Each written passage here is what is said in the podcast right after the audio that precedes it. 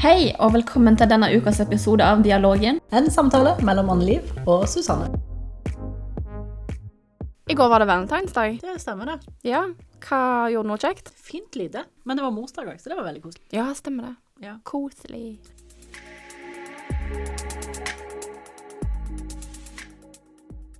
Nå er vi klar for eh, del to av eh, vår eh, episode om forelskelse og kjærlighet. Vi hadde visst veldig mye på hjertet om de temaene her. Det er jo veldig gøy å snakke om, da. Så nå har jo vi prata om forelskelsen, og nå har vi lyst til å gå dypere. Nå vil vi snakke om den dype kjærligheten. Den trenger jo ikke ha noe sammenheng med forelskelse, for du kan ha dyp kjærlighet uten å være forelska, f.eks. Og som mor snakket om, du kan òg være forelska uten at det blir noe dypere enn det, da. Der er en tidligere Idol-dude, nå er ikke jeg så flink med navn, han heter Gaute. som sier 'kjærlighet er mer enn forelskelse', på en dialekt som jeg ikke skal prøve å etterape. Nei, don't do it. Velkommen til det som da er episode åtte av Dialogen podkast. Vi skal snakke om kjærlighet. Og tusen takk til alle dere som sitter og hører på oss. Det er kjempegøy, og vi setter pris på alle likes og kommentarer og følgere og Og det har vi fått mye av i det siste, så tusen hjertelig. Og hvis dere vil være så snille og fortelle andre at dere hører på dette her, så er det òg veldig kult. Så vi får nå ut til litt flere. Det er jo noen nerder rundt omkring der som kanskje ikke er helt tilfredsstilt på, på kjærlighet. Sant vel? Sånn, spread the love. Spread the love. Ja, altså Hvis jeg spør deg, da, hva er forskjellen på forelskelse og kjærlighet? Kjærlighet er jo den der dyptsittende, trygge, gode følelsen der dere er to stykker som spiller på samme lag. Begge to er med og drar hverandre, prøver å jobbe som en enhet, samtidig som en tar vare på individet. For kjærlighet, det er jo ikke lett. Kjærlighet er vanskelig. Må gjenta det som vi sier i hver eneste episode. Relasjoner er noe av det vakreste vi har, men samtidig er det òg noe av det vanskeligste. For liksom, når du da er i et eh, kjærlighetsforhold med noen, så er det jo fordi dere bestemmer for å være med hverandre. Og det krever mye arbeid, det krever omsorg, det krever pleie, oppmerksomhet. Det er mye du skal gi av deg sjøl, og da ligger det òg gitt i det at du skal få tilbake. Det skal gå begge veier. Det trenger ikke alltid å være likt. Altså, vi er jo ulike og har En kan ha en dårlig periode, for eksempel, og da blir det jo til at du for eksempel gir mer av deg sjøl, da, og får ikke så mye tilbake. Og det skal jo du klare å stå i, da. Og kommunikasjon her er jo det viktigste. Ja, Som det er nøkkelen. Som det er i alle relasjoner. Kommunikasjon er kjempe, kjempeviktig. Men ja, altså det er, jo, det er jo noe med denne her kjærligheten, for alle er jo på en måte på jakt etter den. De fleste vil ha den. Altså de fleste ivrer etter å få en sånn dyptliggende kjærlighet. Jeg er kjempeheldig. Jeg var i et forhold som varte i 17 år. Og fikk lov å kjenne på denne her langvarige, gode kjærligheten. Eh, resulterte i to unger. Så her snakker vi oppturer og nedturer og mange år sammen. Jeg traff jo han da jeg var 15, og det er mange som da liksom fnyser det litt vekk. At ja, men dere var så unge. Men samtidig tenker jeg, vet du hva. Det var 17 år uansett hvor gamle vi var. Og, Ja, dere har jo vokst opp sammen. ja. Og hatt perioder hvor dere vokser nærmere, vokser litt fra hverandre, og at det liksom går i sånne perioder, da. Ja. 17 år er jo Det er veldig lenge. Ja. Og det er, det er ingen garanti for om du treffer noen når du er 30, at det skal vare til du er forbi 47. Så nei, jeg sier, tenker at eh, jeg har vært kjempeheldig som har opplevd det. Plato han sier at kjærlighet det gjør oss hele igjen. Vi er født ukomplette. Vi er én sjel delt i to. Det her stammer fra en eh, sånn eh, gresk mytologi om at eh, mennesker Om saus, sant? Ja, Ja. Mennesker til å begynne med var vesen som hadde fire armer, fire bein, to hoder, og så var Sevs så forbanna en ettermiddag at han gikk ut, og så delte han alle i to.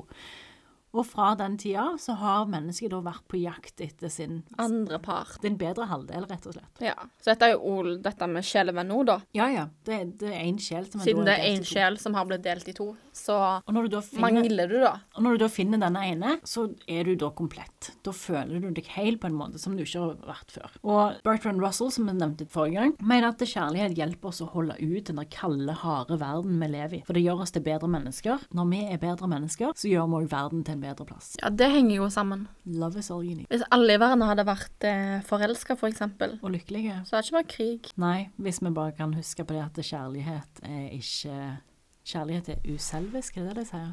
Mm. Nei, hva er det de sier? Kjærlighet er uselvisk.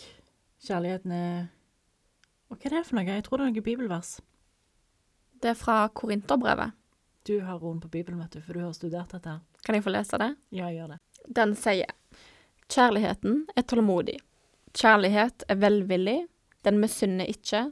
Den skryter ikke. Og den er ikke hovmodig. Kjærligheten krenker ikke. Den søker ikke sitt eget. Den er ikke oppfarende og gjemmer ikke på det som er ondt. Den gleder seg ikke over urett, men har sin glede i sannheten. Kjærligheten utholder alt, den tror alt, den håper alt og tåler alt. Hvis alle mennesker hadde gått rundt med dette her, da hadde verden vært bedre, et bedre sted. Ja, sant? Med mindre de da blir egoistiske overfor sine egne, og da tenker jeg at de kan drite i alt annet for at de har det fint.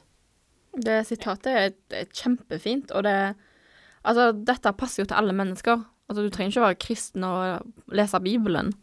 Men der så du at den der Jane Austen i meg som du trodde kanskje eksisterte, den forsvant. For jeg ser at Ja. noen mennesker blir, blir jo kjempeegoistiske i sin lille union, og så driter de i alle andre, og så blir, blir det krig på denne jord. Sant vel? I et perfekt forhold så skal en være jevnsterke. Det er give and take. Her skal en dele på byrdene og på gledene og på alt de sammen som er. Og det skal følges rettferdig. Kjempevanskelig oppgave å utføre i praksis. Og er, jeg syns det er et veldig fint dikt om akkurat dette her. Det er av Marie Takvam. Det heter Jevnsterke. Det fins et menneske jeg kjenner, og likevel elsker. Stundom glefser vi hverandre til blods, men vi er jevnsterke. Og derfor kan vi sammen smøre salve og legge bandasjer over alle sår. Og der har du kommunikasjonen, der har du den der ønsket og viljen til å gjøre godt med den du er glad i. For idet det begynner å bli en konkurranse, da sliter en. Ja, for da jobber du jo mot hverandre, ikke Ja. med hverandre. Så det å jobbe med hverandre her, det er jo det som er det viktige i alle forhold. Mm. Ja, så du skal jo spille på styrkene til hverandre, og hjelpe med svakhetene. Ja. Trenger ikke å fikse svakhetene. Alle har jo sine svake ting, men de skal du respektere, og du skal hjelpe med de da. Ja, du skal støtte, og så tenker jeg at du må òg gjøre de ansvarlige for de feil, svakhetene eller feilene de har, og gi de rom til å på en måte takle de litt på egen hånd. Det- Nå høres vi ut som disse kjærlighetsekspertene i Frozen. Ja. Disse små steintrollene. Ja. Kjærleik! Hvor mange ganger har du sett den? Oh, det blir noen ganger, du. Jeg kan ikke alle sangene utenom, men uh, ja. Jeg hadde håpet at du skulle stemme i denne. Kjærleik! Nei, jeg tror jeg har bare sett Frozen én gang, jeg. Ja, det er bare å få seg ei datter. det er blitt noen ganger, for å si det mildt. Eh, men jeg var inne på psykologisk, og så fant definisjonen der òg. Kan ikke du lese noe av det, så kan jeg lese resten? For Ja. den syns jeg er fin å lese opp. Ja. Skal vi se. Psykologisk, de skriver da at først og fremst så er kjærlighet en følelse. Det er en midlertidig tilstand som fyller både kropp og sinn. Og i likhet med alle andre følelser, så følger kjærligheten bevegelsesmønsteret til det de kaller for et uforutsigbart værsystem.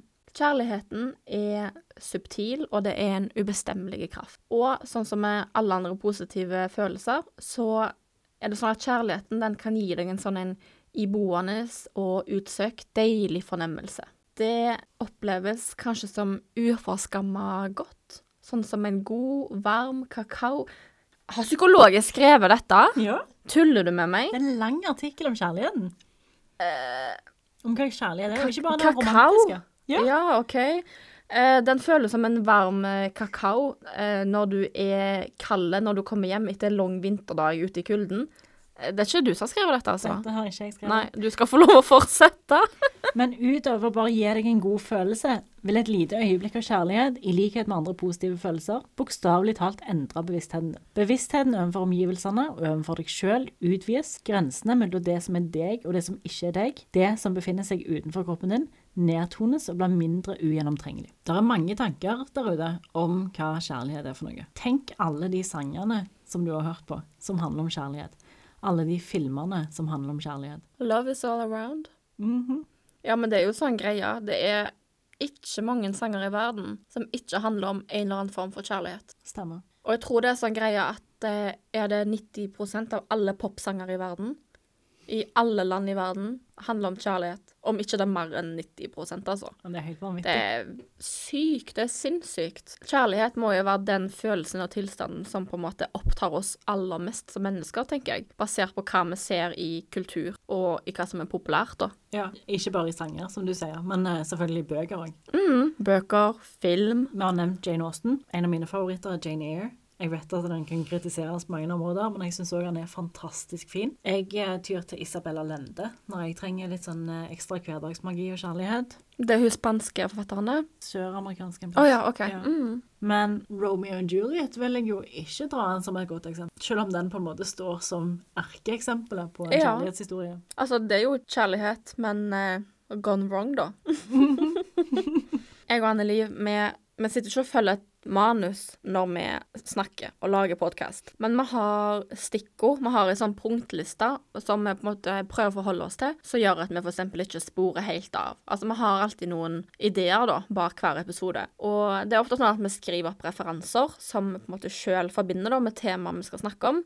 Og Anne Liv har jo skrevet opp eh, den litteraturen hun forbinder med kjærlighet. Og så har jeg fulgt på med én ting, og den står i blokkbokstaver. Og det er Fem-seks utropstegn etterpå. fem-seks utropstegn. og dette er da en bokserie. La meg bare få sukke høyt okay. og tungt før du fortsetter. Okay. ja, vær så god. Åh, Susanne, da. Ja, vær så god. Jeg skal respektere dine valg. Jeg har studert litteratur. Jeg òg. Jeg jobber med litteratur. Jeg òg. Og av alt jeg kunne skrive på denne lista, så har jeg skrevet Twilight. Jeg ble kjent med Twilight når jeg var 14 år. Det var hormoner Ja. i sving. Du skal få Twilight. Vær, vær så god. Jeg, jeg er den ultimate Twilight-generasjonen. Ja. Bøkene kom, oversatt til Norge, og det passet perfekt med, med meg og hvor jeg var i mitt liv. Jeg fikk Harry Potter, da. Jeg tar den. Jeg. Ja, sant, du og Harry Potter. Mm. Jeg måtte liksom tvinge meg sjøl inn i Harry Potter.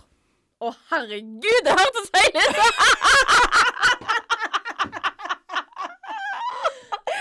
Å nei!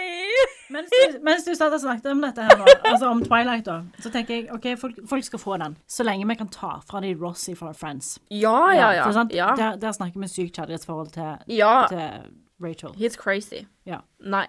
Nei. Eh, men- jeg liker men- ikke Ross. Men siden du nå liksom kommer denne her kommentaren din, så tenker jeg at denne her episoden, den må vi nå omdøpe til den episoden der Susanne Med Harry Potter. Jeg mener jo Harry Potter-universet. Jeg er jo for unge. Jeg er jo for unge til å være Harry Potter-generasjonen, men jeg identifiserer meg som en del av Harry Potter-generasjonen, fordi jeg oppsøkte bøkene. De datt ikke i fanget på meg. Nå har vi det på det rene. Eh, Twilight da for meg. Nå som 27-åring så skal jeg innrømme jeg ser filmene. Det, det er bare noe med det. En gang i året så ser jeg alle filmene. Og bøkene har jeg nok lest, eh, uten at jeg skal overdrive. Jeg har lest bokserien iallfall 20 ganger. Hei. Det, jeg tuller ikke. Jeg tror deg. Ja.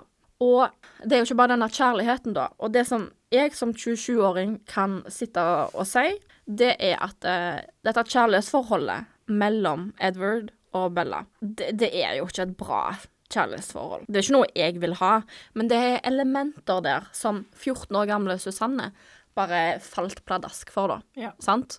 Men nå, i ettertid, og som mer voksen, så ser jo jeg eh, problemer med, med flere ting, da, i, i denne litteraturen. Sant? Problemer i flertall. Ja.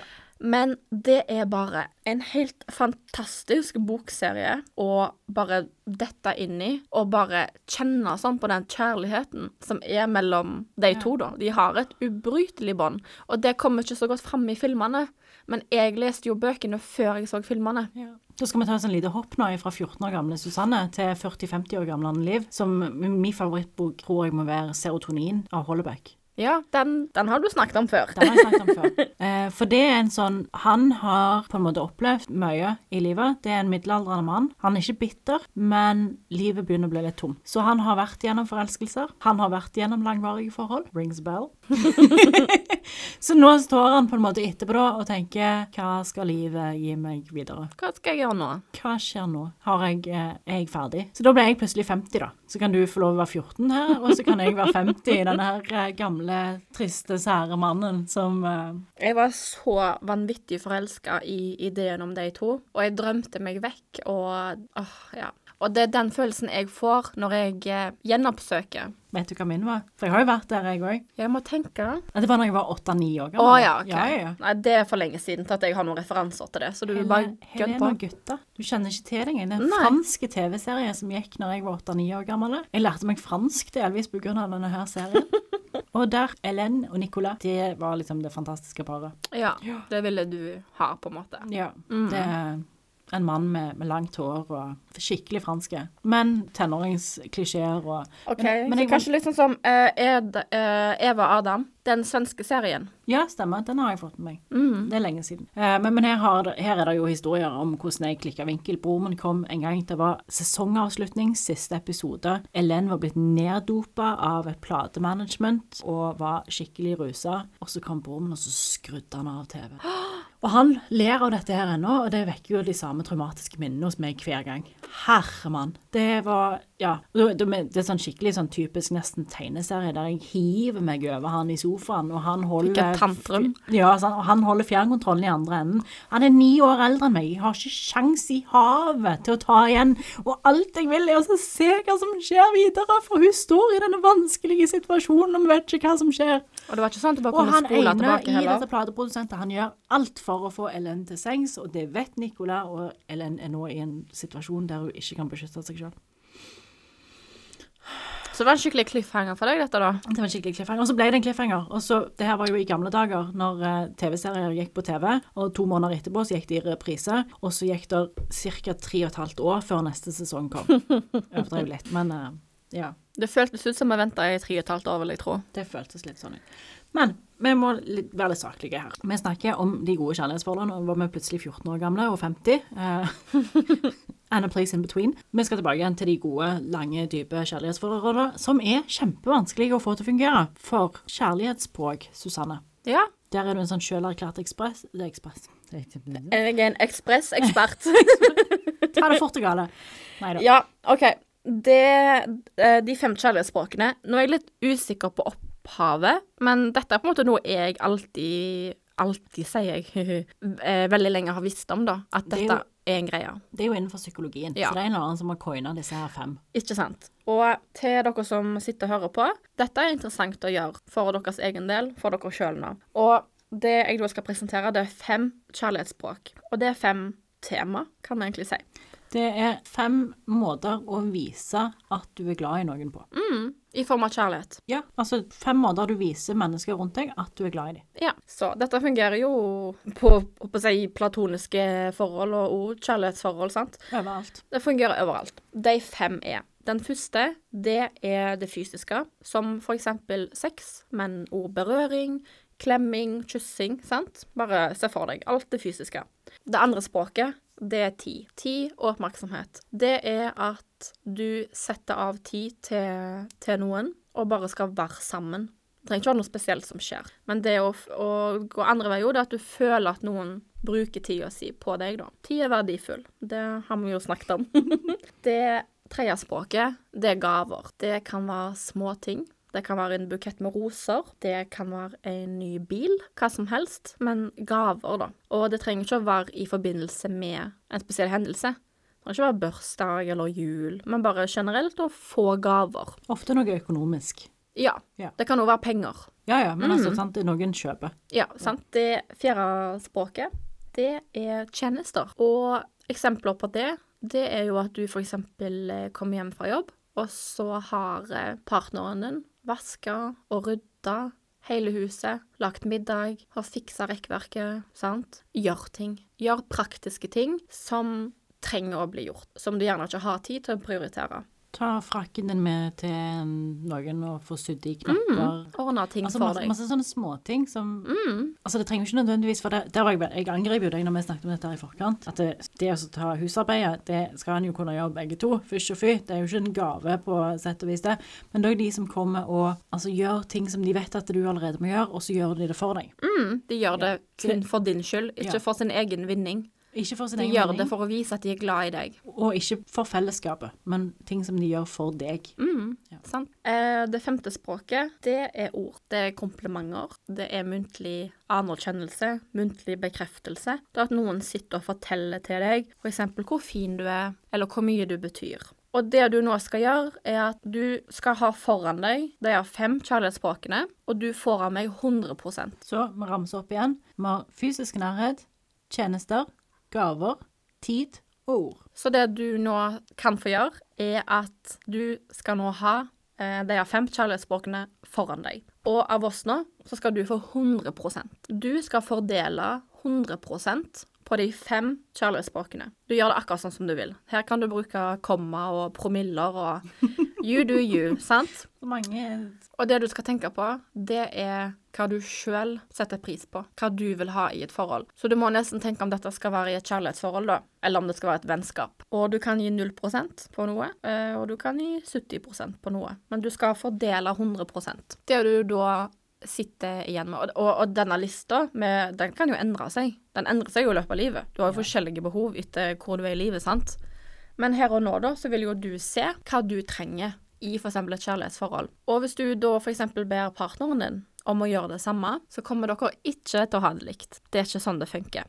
Og det er ikke heller sånn det skal være. Det skal ikke være likt. Men du skal vite hva hans eller hennes kjærlighetsspråk er. Det skal du spille på. Og til gjengjeld så skal din partner òg vite hva ditt kjærlighetsspråk er. Og dette vil styrke kommunikasjonen.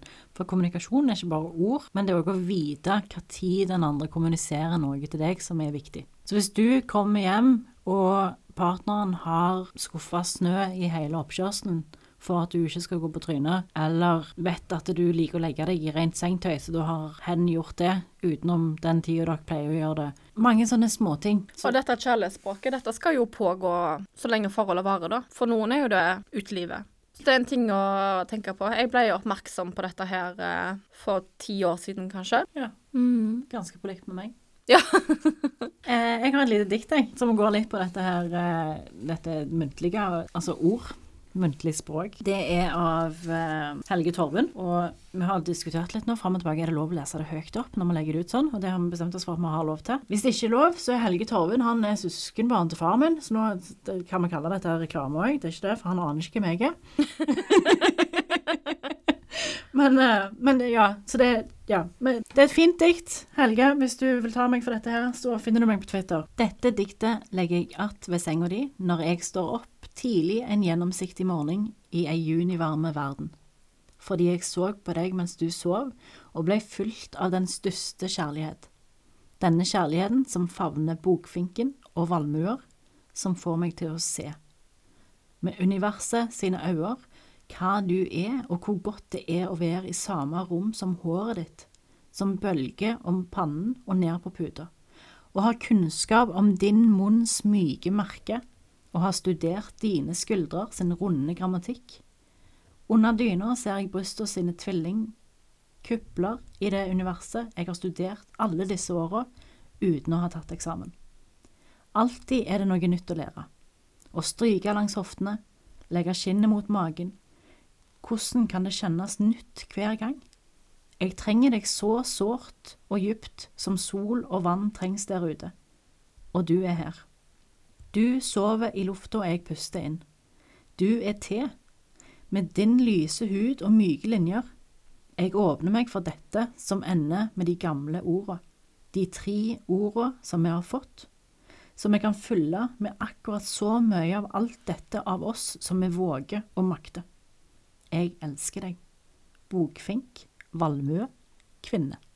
Hva kjærlighetsspråk er det Helge får fram i diktet? Det er ord. Men så er det òg den lille handlingen med å legge dette her igjen ved sida av senga hennes når hun våkner. Ja, altså det han beskriver, er jo fysisk nærhet. Ja. Jeg syns Haldis, kjære Haldis, hun har så vanvittig mange fine dikt om kjærlighet. Om det er Haldis som har det diktet om å ta heisen sammen, eller er det Grodale? Har du vært borti det? Ja. Det er et dikt om å forelske seg i moden alder, og de er på hotell sammen, og på vei opp og ned fra den etasjen de bor i. Det er første eller andre etasje, så det er snakk om veldig korte avstander. Men de tar heisen sammen, for idet heisdøra går igjen, så omfavner de hverandre og klarer ikke å holde hendene vekke fra hverandre. Det er Haldis. Det er Haldis Moren Vesaas. Mm, det er fra um, Kyss i heisen. Det heter Kyss i heisen. Jeg lette etter det i går, men jeg kunne ikke finne det. Åh. Men jeg syns det er så fint. Og så gir det håp for gamle, bitre Anna Liv som ikke har.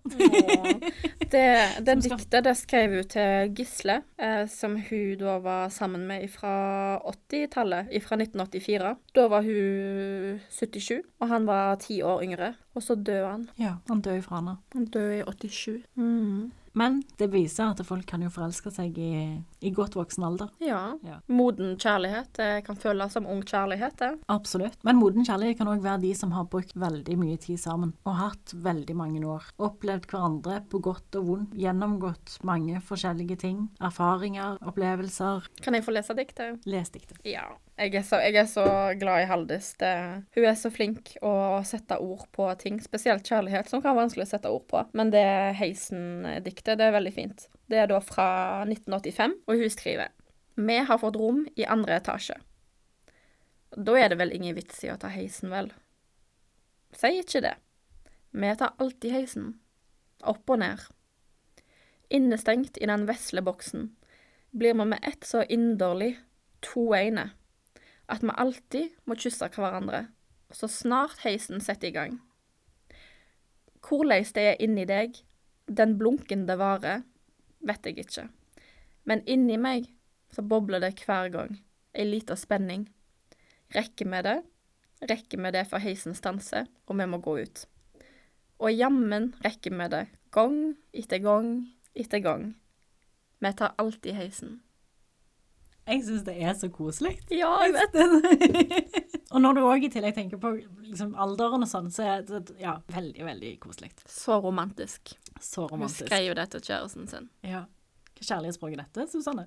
Mm. For Haldis Moren Vesaas hun sier det at kjærlighet gjør ikke blind, det gjør deg klok. Og det tror jeg absolutt det er noe med. Mm. Ja, det er jeg enig i. Ja. Og Helge Torvund har, har skrevet denne her boka som heter 'Skal vi legge en vedstabel sammen'. Og den handler om det forholdet som har vart lenge. Der du har fått unger sammen, sett de vokse opp. Det er dag ut og dag inn sammen. Og hvor verdifullt det er. Å bli gamle sammen. Ja, For vi vet jo hvor vanskelig det er. Nå skal vi gå litt over på kjærlighetssorg, Susanne. Vi har opplevd det begge to. Mm. Og når jeg skulle ut av dette her 17 år gamle forholdet, og visste at dette skal jeg legge bak meg, nå må jeg gi opp drømmen om å ha dette forholdet livet ut. For det hadde jeg jo en drøm om. Jeg hadde jo en tanke om at dette her kom til å være mitt eneste ene forhold, som skulle vare lenge. Og det varte lenge, men det varte ikke livet ut. Og i min bearbeidelse av det, så leste jeg Helge Torvens bok ifra ende til annen, for å kjenne på hver eneste følelse som han formulerte i dette. På en måte kjenne på den følelsen, og så ta farvel med den, og la den gå. Det hørtes ut som litt av en prosess. Det er litt av en prosess, men kjærlighet krever mye. Og derfor så har jeg ett dikt til. For dette jeg har, Altså, Vi er tross alt norsklærere. vi er norsklærere, og, og det, det må litt dikt til når det, vi snakker om kjærlighet. Og popsanger er jo òg dikt. Men jeg har jo òg en tanke om at det kanskje Det kan godt være, det vet ingen, at jeg får Jeg kan ha 17 år til jeg, i et annet forhold. Ja, visst kan du det. Men da skal jeg ha sånn et forhold som ikke er for verandastoler, som Helge skriver. Våre hjerter er ikke for verandastoler. Noen har skåret ut et rektangel av sol. Varmen stiger fra stuegulvet. Jeg legger hånda mi på den runde magen din og kjenner en bevegelse som smiler. Vi har samla ettermiddager i årevis. Grovkjefta erfaringer, myke tegn og den sorten sorg som ikke snakker, men som gjør at du blir var. En mørk rytme bak kjeftinga og godsnakket. Så mange år med morgener, gjennom håret, armene som holder vanen fast, hjertene og øynene ennå på vakt. Våre hjerter er ikke for verandastoler, men for en slagbenk som får oss i gang igjen. Et ubehag knytta til ei annen ro, den smale sjela, den mildt krevende. vilt krevende, nådeløst spørrende, og hjertet har sin morgen. Nakne sommerarmer har sin glødende trygghet, trass år, trass ettermiddager, netter. Sammenbitt, forbanna, hysterisk alvorlige, eller toddyvarme, skinnrøde. Vi gir ikke slipp på skiftingene i farger, som rognebæra går fra grågrønn til syrlig sinnober. For åra gå, lerka komme, kvidveisen blomstre, og ennå er du like hoppende, syngende, glad når noe surt eller uhåndterlig er over, i ny fase, og smila våre løfter hverdagen høyt. Så hvis jeg skal ha et nytt langvarig forhold, så blir det sånn slagbenkforhold. Uten en kule under magen, da, med bevegelser inni. Med mindre det er en veldig god middag. Som så.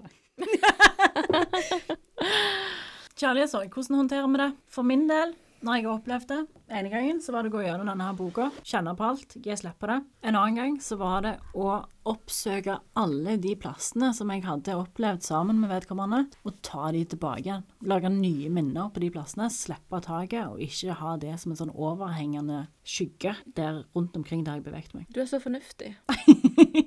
Helt til det smeller. jeg var ganske fornuftig i dag, vil noen si. Men jeg hadde noen idiotpoeng, og så hiva vekk, og det klarte jeg òg. Angrer ingenting. Nei, det er viktig. Ja. Altså, kjærlighetssorg er jo, det er jo noe drit. Det er ikke noe annet å si enn at det er drit, men eh, det er jo det er en overgang, Og det går over. og det går over. Men du må ville at det skal gå over. Mm. Fot foran den andre til dess tåka letter og sola kommer tilbake og du hører fuglene synge igjen. Det er dritvondt, og det er dritkjipt, og det er smertefullt, sånn at du kjenner det langt inn i sjela, men det går over. Og det går alltid over. Ja. I gjennomsnitt så tar det mellom halvannet og to år å komme over noen. Ja. Det tok du sånn rett ut ifra lufta. Mm. Mm. Det er sånn fakta jeg bare Ikke spør meg om kilde, men eh, det, det er fra en plass. Du har lest det på en plass, jeg vet at du er kildekritisk, så jeg tar det for god fisk. Det du sier. Halvannen til to år. Så på samme måte som forelskelsen da var i ca. to år, så kan det òg ta to år å gi slipp på det.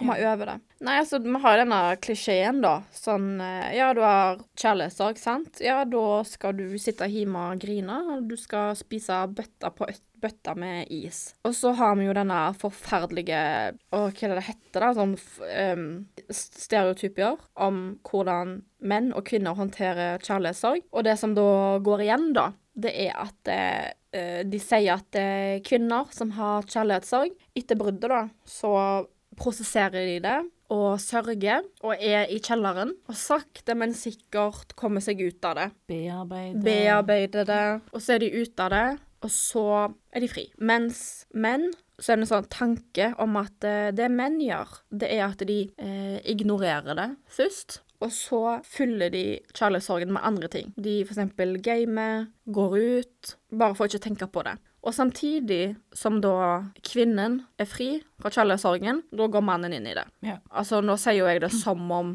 du bare kan være i et um, Hva heter det når du bare liker det motsatte kjønnet? Heterofil. Heterofilt. Ja. ja.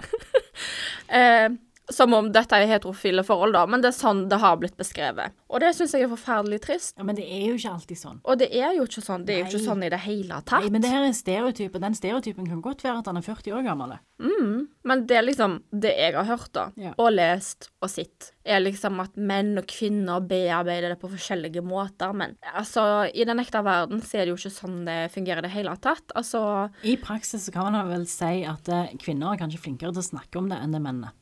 Ja, med venninner og sånn, og som menn gjør det på Dette har jo ikke noe med kjønn å gjøre. Du må jo gjøre det på den måten som er rett for deg, og om du har vært gjennom ti kjærlighetssorger, så betyr jo ikke det at du har roen på det. Nei, nei, det kan... For den sorgen kan jo forandre seg, og den kan jo være ulik. Det er som hvis du har mista mange familiemedlemmer, eller noe sånt, altså mange har dødd ifra deg, så er det sånn ah, men du, der, er, er så mange som har dødd hos deg at du takler dette. Sant vel? så det er ikke sånn det fungerer. Nei. Jeg har faktisk hatt en eh, kjærlighetssorg når jeg var i forholdet. Ja, men det har, det har alle som har jobba for et forhold. Ja. Og den kjærlighetssorgen, den varte vel i ett år. Og etter ett år, da var jeg klar for å gå min egen vei. Og da sto den andre personen igjen og var sjokka. Ja. Og begynte da på sin kjærlighetssorg når jeg var ferdig med min. Noen kan si det er sleipt, men uh... Ja, men altså, her, altså, der er så mange forskjellige parforhold. Der, altså, hver eneste parforhold har jo sin historie, og hvert individ i hvert parforhold har jo òg sin historie. Sånn at det, det vet jo alle som har jobba for et forhold, at det å jobbe for et forhold, det betyr jo at du blir svikta til tider. Altså, du får hjertet ditt knust, og du kan få det knust om igjen og om igjen og om igjen. Og til slutt så må du bare gi deg. Og det gjelder jo både damer og det gjelder menn. Og jeg tror ikke vi er noe særlig like eller ulike der. Jeg har òg hørt mange som sier at menn, ja, de hopper rett inn i et nytt forhold. mm. De skal bare fylle det tomrommet. Har du eh, vært en rebound? Eller har du hatt en rebound? Nei. Nei, jeg tror ikke det. Rebound det er jo når du, Du prosesserer sorgen med å hoppe inn i et nytt intimt forhold, da. Trenger ikke være forhold engang, men ja, at du går på Tinder og går på date og Så kan du finne deg en rebound, og at det er en måte, måte å komme over kjærlighetssorg på. Ja. Og det er helt uh, kurant, det. Folk som ønsker å gjøre det, og Ja. takle det på den måten her, så lenge det fungerer for deg.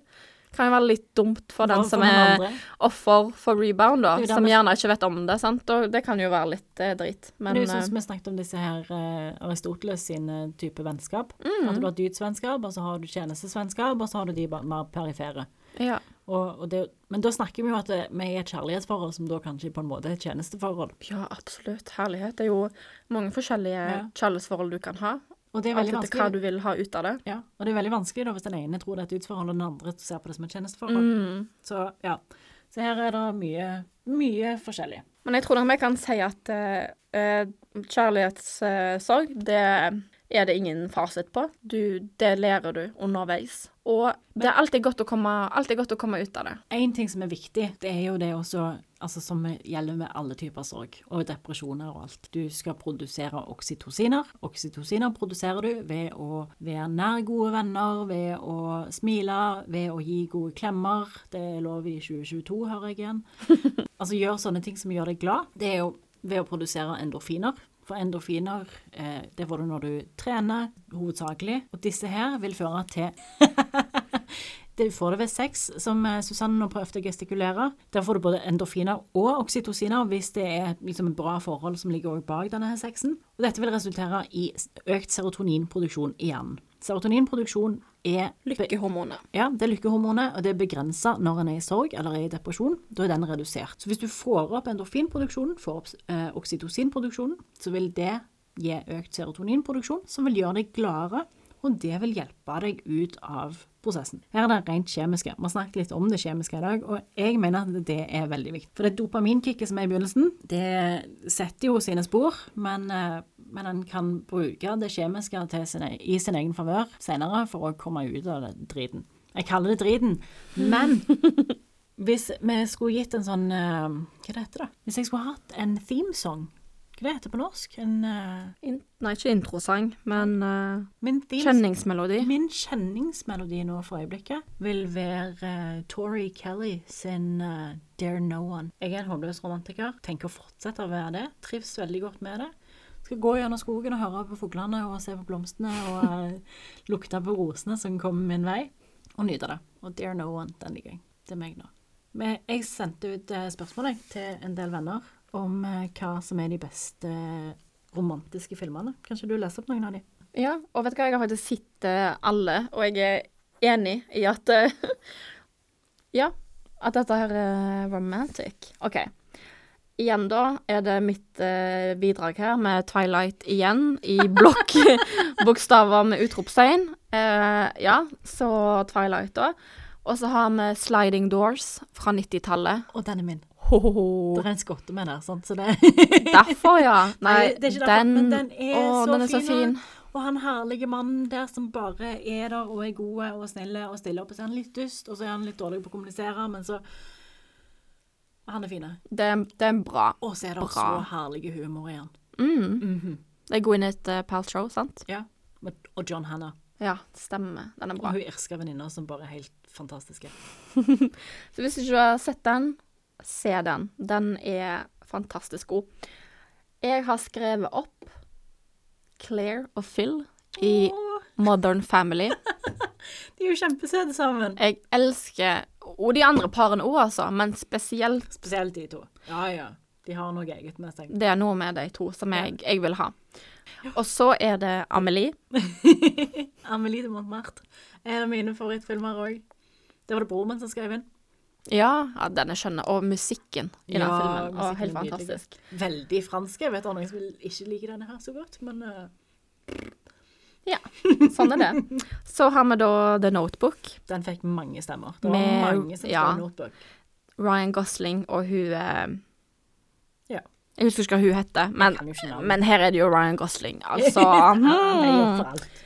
The Notebook, den nå er ekstremt romantiske. Og liksom òg triste og morsomme og, og den, den har alt. Ja. Og så er det da min. Min film. Og min film er da første gang jeg så denne filmen. Det var første gang jeg var forelska. Se den sangen igjen. Moon River. Å ja, nei, du tenker på den rockesangen? Ja, ja, ja. Jeg skulle ikke synge mer, vet du. skal Nei. ikke synge den her er Nei, sant? Og dette er en film som jeg alltid ser når jeg er overvelda eller undervelda av Ja. kjærlighet. Kjærlighetssorg, forelska. Da setter jeg på denne, og kun da. Det er 'Breakfast at Tiffany's'. Filmmusikk av Henry Mancini. Ikke den, nei. Og den filmen Jeg tror han er fra 60-tallet, og det er min, det er min Audrey favorittfilm. Audrey Hepburn. Et navn jeg også. Mitt favorittikon. Jeg har eh, all filmmusikken på vinyl.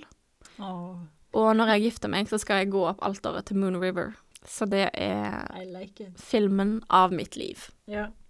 Eh, vi fikk en melding her fra noen som vet Sirdalen, en hel guttegjeng pluss ei jente. De har bare lista på en hel haug. Det liker jeg. The Fault in Our Stars, John Green. Love Actually.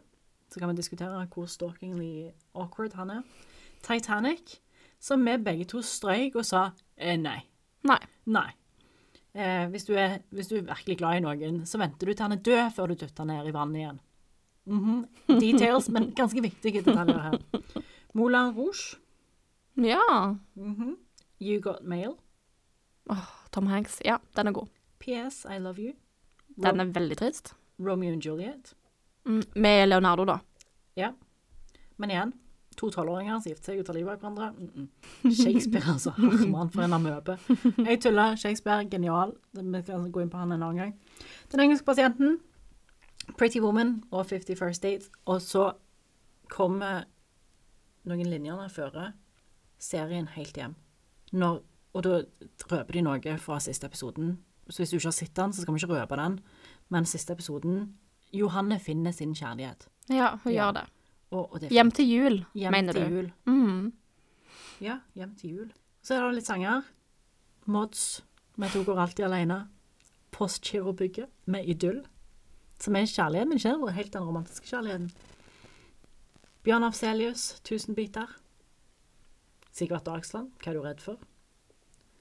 Bjørn Eidsvåg, 'Hvis jeg gir deg alt du vil ha'. Bare norsk musikk. Her var det masse norsk musikk. Mm.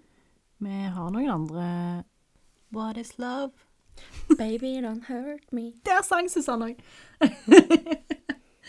uh, Kjærlighetsvis med Halvdan Sivertsen. Is That All Right? Lady Gaga. Don't Think Twice, It's All Right med Bob Dylan. Den hørte jeg for første gang i går.